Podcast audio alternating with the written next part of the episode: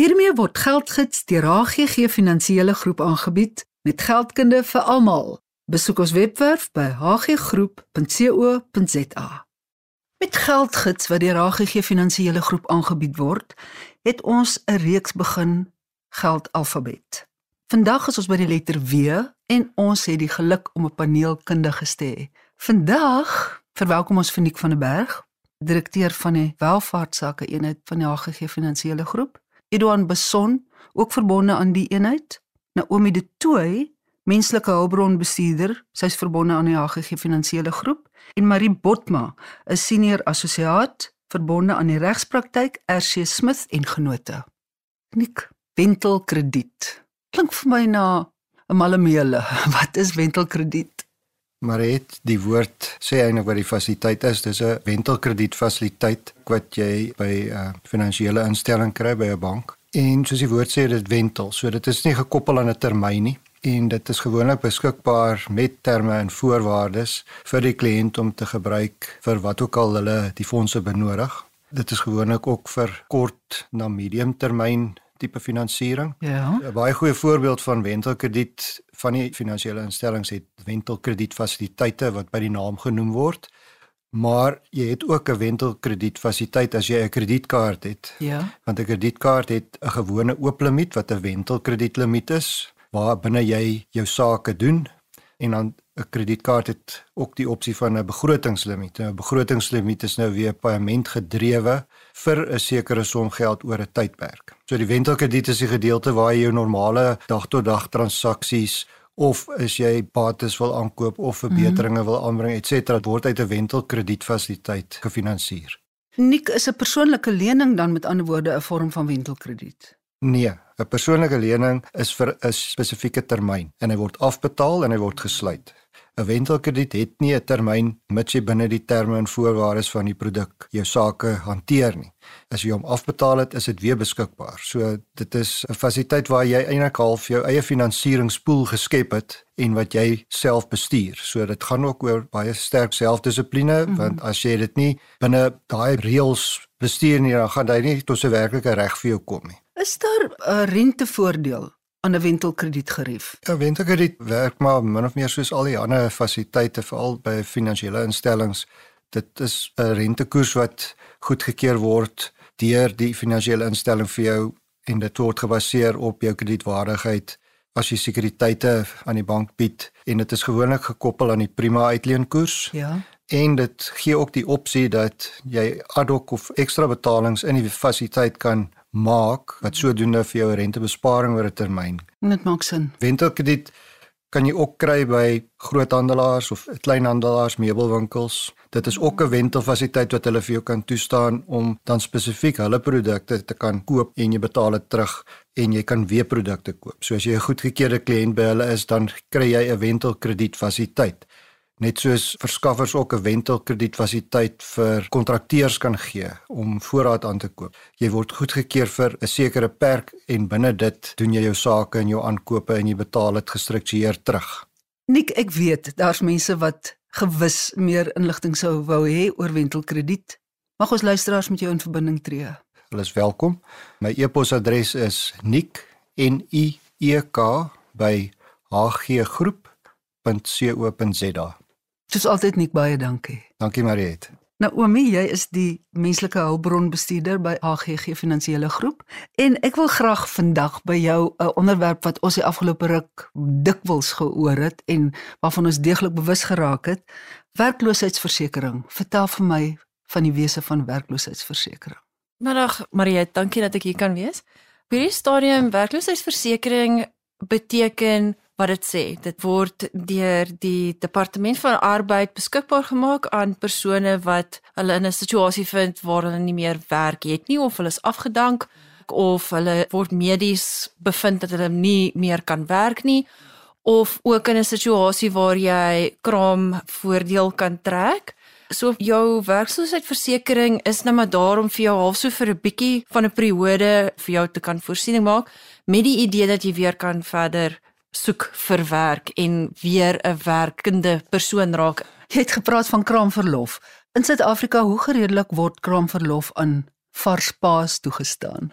Ons uh, wet het nogal redelik verander wat hulle noem in die term paternity leave mm -hmm. of parental leave wat dan beskikbaar gemaak is vir selfe geslag paartjies of vir 'n man en vrou, maar dit is daar geskep vir die pa om dan nou ook deel te wees deur daai kraamverlofperiode om dan ook die tweede hande te kan wees met so 'n tipe geval. En wat is 'n gemiddelde kraamverlof duur vir 'n vrou en vir 'n man onderskeidelik wat deur die werkloosheidsversekering gedek word? Maksimum 4 maande albei kante is. Is enige werkgewer verplig om vir sy werknemers of haar werknemers werkloosheidsversekering uit te neem of is dit 'n keuse van die werknemer? Nee, werkloosheidsversekering, die reël staan as 'n persoon in jou diens is en hy is werksaam vir meer as 24 uur mm. in 'n maand, moet hy of sy vir daardie persoon aanbring op 'n werkloosheidsversekering. Dit is wet. Nou om jy's nou by 'n groot maatskappy, die menslike hulpbron bestuurder. Maar ons mense wat nie 'n maatskappy het nie, wat op die meeste 'n huishouding bestuur. In die meeste huishoudings is daar huishoudelike werknemers, soos 'n tuinier, 'n kinderoppasser of 'n huishoudster. Wat sê die wet? Maar jy die regte ding om te doen is ja, die werkgewer is verplig om vir daai persoon wat in jou diens is aan te bring op die werksloosheidsversekering en om aansoek te doen vir die werksloosheidsversekering te registreer en maandeliks daai bydrae te maak na die departement arbeid toe. Wat baie oulik is, is jy kan dit nou ook op lyn doen Wat is 'n minimumbedrag persentasie gewys van 'n vergoeding wat jy aan die werkloosheidsversekeringsfonds moet inbetaal? Op hierdie stadium is dit nog 1% van die werkgewer en mm -hmm. 1% bydra van die werknemer. Nou oomie, hierdie is 'n baie belangrike onderwerp. Ek weet daar gaan baie navrae wees.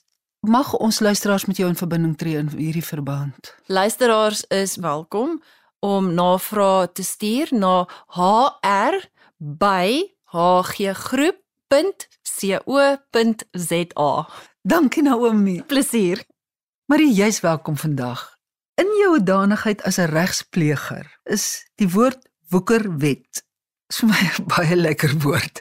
Dit klink vir my so van moeilikheid maak en of daar onwettigheid in die woord woekerwet opgesluit lê. Wat beteken dit? Wie word deur die woekerwet geraak? Maar nee, die woekerwet is glad nie so verleidelik soos wat dit klink nie.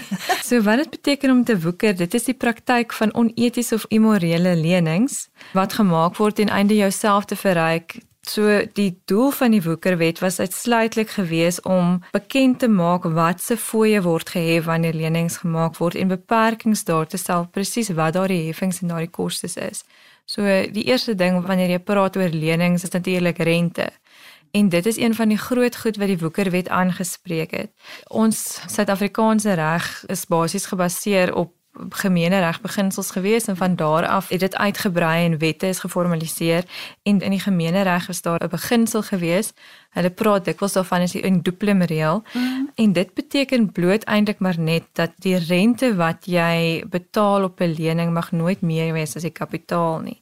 Die woekerwet is nie meer hedendaags van toepassing nie. Die nasionale kredietwet het ingekom en die woekerwet basies op sy geskuif. Die nasionale kredietwet het die verskillende kredietooreenkomste wat jy kry probeer mm -hmm. om dit te definieer om die web so wyd as moontlik te span ja. om te sorg dat hierdie goed gereguleer word dat mense nie uitgebuit word nie. So deesdae is daar baie groter fokus om seker te maak dat lenings bekostigbaar is, dat mense daardie betalings kan bybring op die ou end van die dag. Die nasionale kredietwet definieer verskillende kredietooreenkomste. So hulle onderskei verbandooreenkomste, kredietfasiliteite, mm. onversekerde kredietransaksies. Met ander woorde, as daar nie versekerings is vir die geld wat jy geleen het nie, ontwikkelingskredietooreenkomste waar dit gaan oor um, lae inkomste behuising, klein besighede, korttermyntransaksies. Dan is daar 'n algemene term wat praat van ander kredietooreenkomste en dan ook wat hulle rowweg na vernoem as insidentele kredietooreenkomste. Mm -hmm. Dit is nou gevalle waar die koopsomme sê nou maar spesifieke bedrag en as jy nie binne 30 dae betaal nie, ja. dan begin 'n loop daar rente op. Daardie tipe goed word ook gesien as kredietooreenkomste. So die rente koerse wat oploop ten opsigte van daardie onderskeie kredietooreenkomste is almal anders en word spesifiek voorgeskryf in terme van regulasies onder die nasionale kredietwet Ons voel dikwels gefrustreerd as ons nie 'n lening mag kry nie, maar as daardie lening wat afgewys is uiteindelik dalk 'n seëning. Ja, ek dink daar's definitief maatreëls in plek gestel ook om verbruikers, wil ek sê teen hulle self te beskerm as mense dit so kan stel. Baie dankie Marie, wil jy vir my asseblief jou skakelbesonderhede gee as mense meer inligting oor hierdie beskermende wet wil hê? Ja, sekerlik. Hulle kan my kontak op e-pos. My e-posadres is marie m a r i by rcslaw.co.za. Edouan wêreldwye inkomste.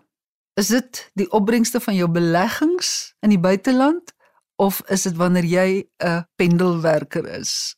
Maar hey, dit is eintlik maar albei. Uh Suid-Afrikaners word belas op hulle wêreldwye inkomste, ongeag waar in die wêreld hulle daardie inkomste genereer, maak dit alles deel uit van hulle inkomstebelastingberekening. So die 1 Maart 2020, so kort voordat ons met COVID se eerste afsluiting begin het, Ja. het die nuwe wetgewing in werking getree waar pendelwerkers of expats, soos dit ons hulle maar meer algemeen ken, belas word op hulle inkomste bo 1.25 miljoen rand per jaar. Daardie uitsluiting wat hulle het van 1.250 000 rand is net op hulle inkomste wat hulle genereer in die buiteland. O, goed. Sou hulle 'n inkomstebron in Suid-Afrika hê, is daardie uitsluiting nie van toepassing op die inkomste wat hulle binne in Suid-Afrika genereer nie. Normale inkomstebelastingberekeninge sal dan op daardie bedrag wat binne in Suid-Afrika gegenereer word van toepassing wees. Daardie 1.250 000 rand se uitsluiting is ook onderhewig aan dat die individu aan sekere vereistes voldoen. Ja. Hy moet 183 dae buite Suid-Afrika se grense wees besig om te werk per 12 maande periode Reg. en van daardie 183 dae moet 60 dae aaneenlopend wees. Daar is wel een uitsondering met die wêreldwye inkomste en dit is spesifiek gefokus op 'n offisier of die bemanning van 'n skip wat in internasionale waters werk. Indien die lid van daardie skip se bemanning vir 183 dae uit die land uit is of langer as 60 dae aaneenlopend uit die land uit is, is geen gedeelte van sy inkomste belasbaar nie. Ja, dis aangenaam. Al verdien hy meer as 1.250 000 rand. Edouan, as ons luisteraars by jou meer inligting wil hê, het hulle kan my kontak by Edouan B by hggroep.co.za. baie dankie. By gebrek aan geldverwante terme in ons Afrikaanse alfabet onder die letters K, X, Y en Z, gaan ons vraag en antwoord programme hê. Ek nooi hartlik ons luisteraars om solank navrae te stuur na die genoemde adres info@hggroep.co.za oor enige onderwerp al val dit onder watter letter van die alfabet ook al ons gaan antwoorde gee. Geldgids word geborg deur HGG Finansiële Groep. Kontak ons gerus by info@hggroep.co.za of 021 851 2778. Dit maak nie saak hoe oud jy is nie. Die HGG Finansiële Groep stap die pad saam met jou. As jy meer as die alledaagse verwag vir advies oor omvattende finansiële behoeftes, lewer ons diens wat jou pas. Ons bied innoverende en toekomsgerigte finansiële dienste met die klem op persoonlike kontak. Dis die verhouding tussen ons en jou wat tel. Kontak jou naaste kantoor vandag nog om uit te vind hoe jy die voordele van 'n HGG leefstyl kan geniet. HGG Welvaart is 'n gemagtigde finansiële dienste verskaffer.